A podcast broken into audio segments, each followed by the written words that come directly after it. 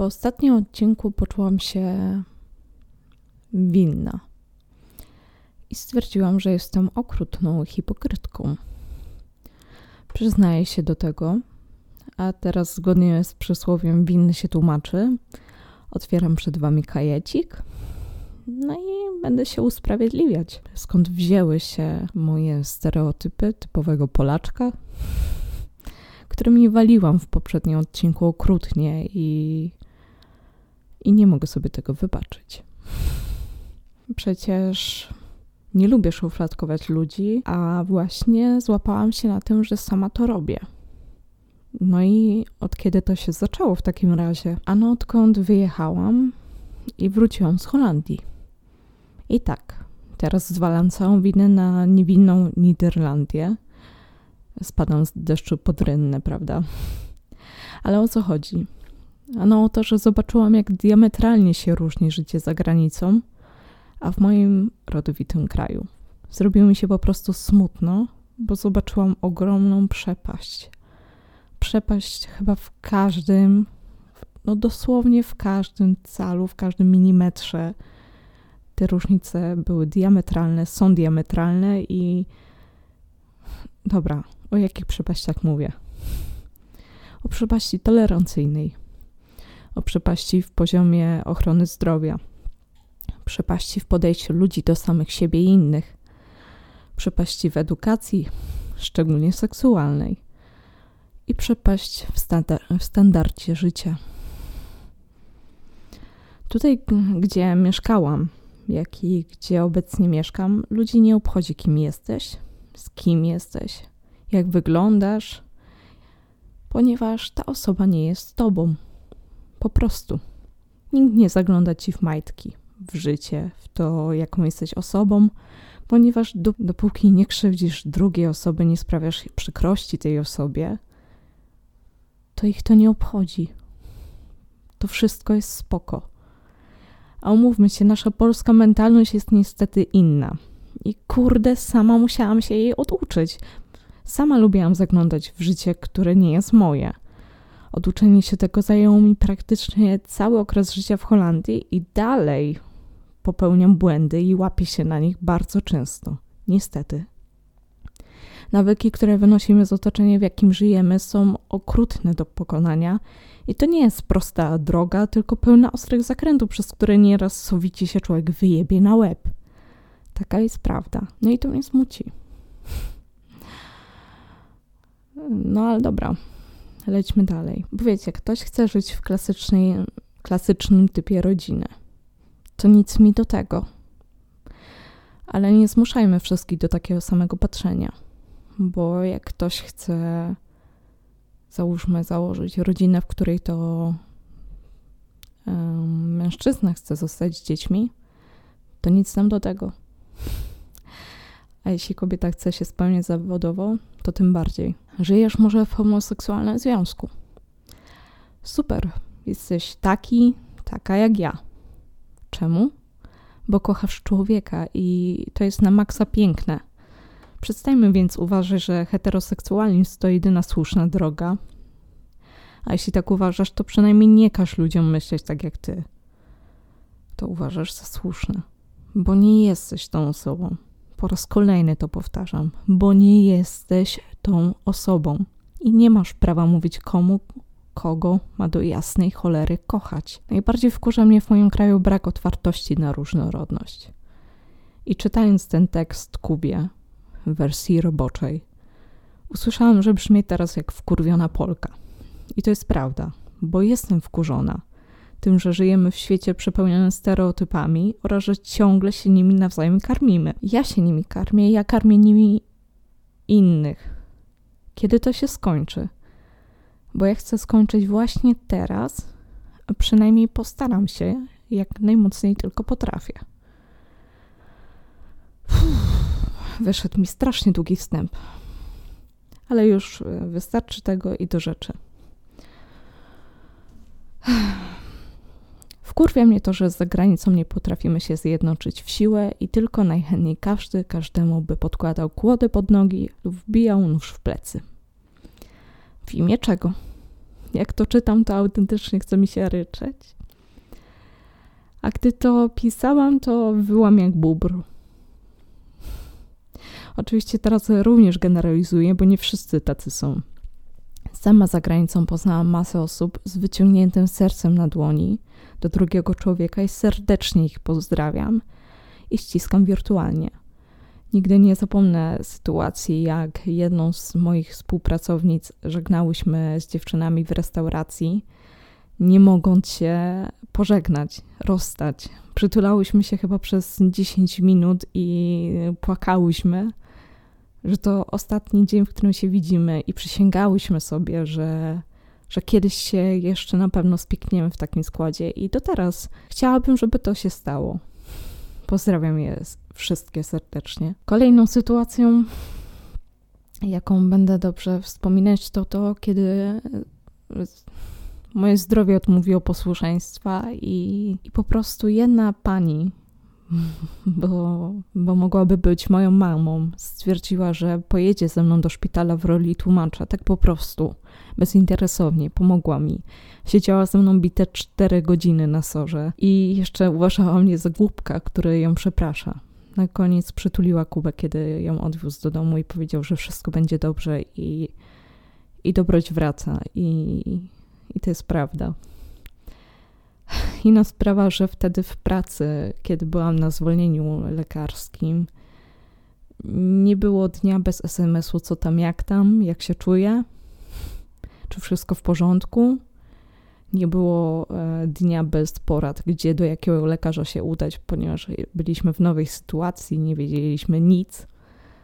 A ludzie wyciągnęli tak po prostu rękę do nas, gdzie nie byliśmy do tego przyzwyczajeni. Bo w Holandii niestety nabrałam bardzo przekrego patrzenia ogólnie na ludzi i nie chciałabym tak e, patrzeć dalej na nich. Ale no, nie mogę nie wspomnieć jeszcze o pewnej grupce ludzi, których poznałam właśnie w Holandii. I to teraz, jak nie do końca świata, będę mogła ich nazywać swoimi przyjaciółmi. Wiecie, cudnie się chodziło nam na spacery, cudnie się nam mieszkało, dzieliło razem e, obiady. Nigdy nie zapomnę, jak po urlopie e, wracając do Holandii, zostałam w lodówce jeden kawałek ciasteczka dla siebie z karteczką z serduszkiem. to było ultra słodkie i takich sytuacji było masa. Mm, do teraz, kiedy widzę zdjęcia naszej miejscówki, chciałabym tam po prostu pojechać i siąść sobie na kocyku, powiedzieć hej, co tam? Ponarzekać na to, jak bardzo chujowy był tydzień, ale porozmawiać też na różne poglądy, nie, nie krzywdząc się nawzajem, tylko wymieniając się zdaniami, poglądami i patrzeniem na świat. Cenię takich ludzi bardzo i cieszę się, że mogę ich nazwać swoimi przyjaciółmi. No ale właśnie, z drugiej strony napotkałam na masę przykrości i napsułam sobie poważnie zdrowie, przez co ciężko mi się wyzbyć typowego stereotypów, typowego stereotypu o Polakach za granicą czy w kraju. Co jest smutne i mnie boli, bo nie chcę tak myśleć, co pewnie teraz słychać. Będąc na emigracji, jest mi też cholernie przykro, że nie mogę wspomóc ludzi, którzy w dzisiejszych czasach walczą po prostu o prawo do bycia sobą i życia zgodnie ze swoim sumieniem. Jednocześnie nie mieści mi się w głowie to, że Polska jest podzielona niemal na połowę, że sami ze sobą walczymy i my sami rzucamy złożyczeniem do drugiego człowieka, że potrafimy walnąć w mordę kogoś tylko za to, że ta osoba nie chce być sobą. Moja dobra znajoma napisała mi, że stereotypy nie biorą się znikąd i to jest prawda.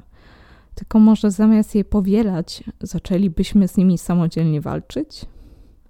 Ja zacznę zważać przede wszystkim na to, co mi ślina na język przyniesie, bo autentycznie jest mi wstyd za tamten odcinek, ale jest równie tak wartościowy, tak pełen ciekawostek, że no nie mogłabym go nie wypuścić. I jest to dobra też lekcja, ponieważ pokazała to była w ogóle pierwsza sytuacja, kiedy ja prowadziłam wywiad i, i czuję żenadę okrutną, ale człowiek się uczy na własnych błędach i człowiek się, człowiek, który nie próbuje, tylko nie popełnia błędów. No wyszło jak wyszło i, i tak uważam, że jest spoko. poza tą dużą gafą moje, z mojej strony. Wracają. Ile setek razy ktoś słyszał tekst, a co powiedzą inni? Albo czy nie możesz być taka jak wszyscy? A dlaczego mamy być jak kopia kopii? Dlaczego nie możemy postawić na indywidualność i zaakceptować tą różnorodność? Co nam wszystkim przeszkadza, że ktoś ma kolorowe włosy, kolczyki w różnych miejscach na ciele, że ktoś chodzi lub wręcz przeciwnie do kościoła? Dlaczego plujemy na innych tylko dlatego, że nie mają identycznego patrzenia na świat jak my sami? Sama się na tym łapię, że albo myślisz tak jak ja, albo nie mamy o czym rozmawiać. A przecież jednocześnie jestem za równością w każdym celu, dopó dopóty, dopóki nie krzywdzimy drugiej osoby. I bardzo mnie nauczyła relacja z moim przyjacielem z Holandii, ponieważ mamy zupełnie różne poglądy, a mimo to potrafiliśmy bardzo kulturalnie wymieniać e, nasze różnice poglądowe. I tęsknię za tymi czasami. Szczególnie kiedy mi pokomplementował, że bardzo dobrze się ze mną rozmawia o polityce, co ja uważałam zawsze za temat tabu i od temat, o którym lepiej się nie mówi, szczególnie kiedy mm, nie ma się takiej charyzmatycznej łatwości wymówienia zdań. Strasznie dzisiaj uciekam, za co przepraszam. Kolejny raz wracamy. Moi drodzy, moim zdaniem nie da się skrzywdzić osoby ubierając się inaczej. Chyba, że mówimy o szacunku do danego miejsca typu świątynie czy coś w tym stylu. To rozumiem. Ale jak osoba ma w zupełności inny styl, chce odsłonić trochę swojego ciała, to nie ma cię to jak krzywdzić lub co gorsza prowokować do jakiegokolwiek czynu przeciw tej osobie. Nie może i basta, ale jak ci coś to robi, to odwróć wzrok i nie patrz, a człowieka zostaw w świętym spokoju. Waliłam również stereotypem typowego chłopa, któremu się wszystko należy, a kobieta ma mu usługiwać. Ale wiecie skąd to wzięłam? Z własnego domu. Absolutnie nie chcę tu negować, bo moja rodzina nie wpajała mi dosłownie tego typu wartości. Nie, nie wrzucała mi tego łopatą do łba. Ale przenosiła, mówię o tym z pokolenia na pokolenie. Wspominała to, to przy niedzielnym obiedzie czy coś tego typu. Moja kochana mama wzięła to od mojej równie kochanej i wspaniałej babci. Bo tak kiedyś było i w niektórych domach nadal tak jest. I wiecie co? Nie ma w tym nic kompletnie złego, lecz tylko wtedy, kiedy obie strony się na to godzą i z tymi rolami są ok. Bo na przykładzie mojej mamy ona uświadomiła to sobie wtedy, kiedy jej własne dzieci weszły w związek małżeński i zobaczyła, że da się inaczej. Że to czasami facet może ugotować lub podziękować po prostu za posiłek czy dbanie o domostwo. Bo to jest kurczę praca. Oczywiście mój tatul na co dzień dziękuję, choć zdarza się, że zapomni o różnych drobnostkach, ale od tego ma swoje dzieci, żeby przypomniały mu, że istnieje coś takiego jak zwykłe dziękuję. Tak to z niego jest romantyk pełną parą, także Ale dobra, może koniec o mojej rodzinie, a przynajmniej na ten moment, bo nie o to w tym chodzi. Wracając, wszystkie typy rodziny są w porządku i nie mamy prawa się w nie wtrącać, chyba że ewidentnie coś się w nich dzieje niedobrego, to warto wtedy, ale to chyba wszyscy wiemy, prawda? Na koniec coś, co mnie wkurza w Polsce, przez co nieraz nie mogę się opanować, by po prostu czegoś niemiłego nie powiedzieć na temat mojego kraju. Brak odpowiedniej edukacji seksualnej to jedno, ale już o tym wspomniałam w poprzednim odcinku też edukacja normalna wcale nie jest na jak nie wiadomo jakim wysokim poziomie według mnie, ale może też kiedy indziej o tym. Ale powiedzcie mi, jakim cudem, mieszkając za granicą, pracując zazwyczaj za najniższą krajową, mój przykład, człowiek jest w stanie bezproblemowo się utrzymać i coś jeszcze odłożyć. Nie, nie, nie widzicie tu jakiejś nieprawidłowości? I tak wiem, Polaczek wyjechał za granicę i mu się w dupie poprzewracało. No ale nie. Praca za granicą jest ciężka. Cholernie ciężka i każdy, kto wyjechał, o tym doskonale wie. Ale przynajmniej wiemy, że za tą pracę dostaniemy dobre wynagrodzenie, które spokojnie pozwoli nam się utrzymać na spoko poziomie. I nie, to nie jest tak, że wyjeżdżasz i nagle podcierasz sobie dupkę euro i, i, i nie, nie ma tak, nie ma tak kolorowo. Człowiek za granicą otwiera oczy na to, jak, jak źle jest w Polsce, że że tam się nie da żyć normalnie za najniższą krajową. Tam człowiek musi się zapożyczać, tam sprawy, inna sprawa, że sprawy kredytowe, e, kupno mieszkania, to to jest w Polsce po prostu jakiś dramat i mnie to przeraża. I w takich momentach nie chcę być dorosłą, a muszę.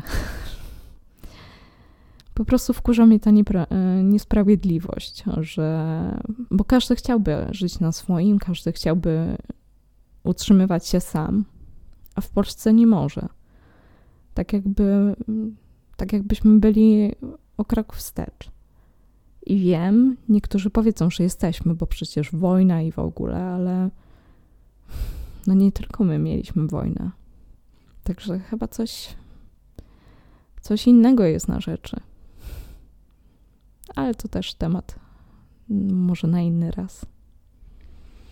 No i dobra, bardzo chaotyczny odcinek, wiem. O Holandii jeszcze na pewno coś wspomnę, bo to jest jedna wielka burza emocji i przeżyć, o który, która potrzebuje, żeby wyjść ze mnie do Was. Także na pewno się jeszcze o niej coś pojawi.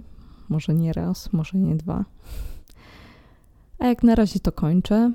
Patrzę właśnie na pełny zlew, który na mnie czeka i lecę się zabierać do roboty. A Wam dziękuję za przesłuchanie i jeszcze raz przepraszam za, za gafę, bo przyznaję się do tego, że popełniłam błąd, popełniłam bardzo, bardzo brzydką rzecz. No i tyle. Postaram się następnym razem nie walić stereotypami i Was też do tego zachęcam. Ściskam Was, całuję i do usłyszenia.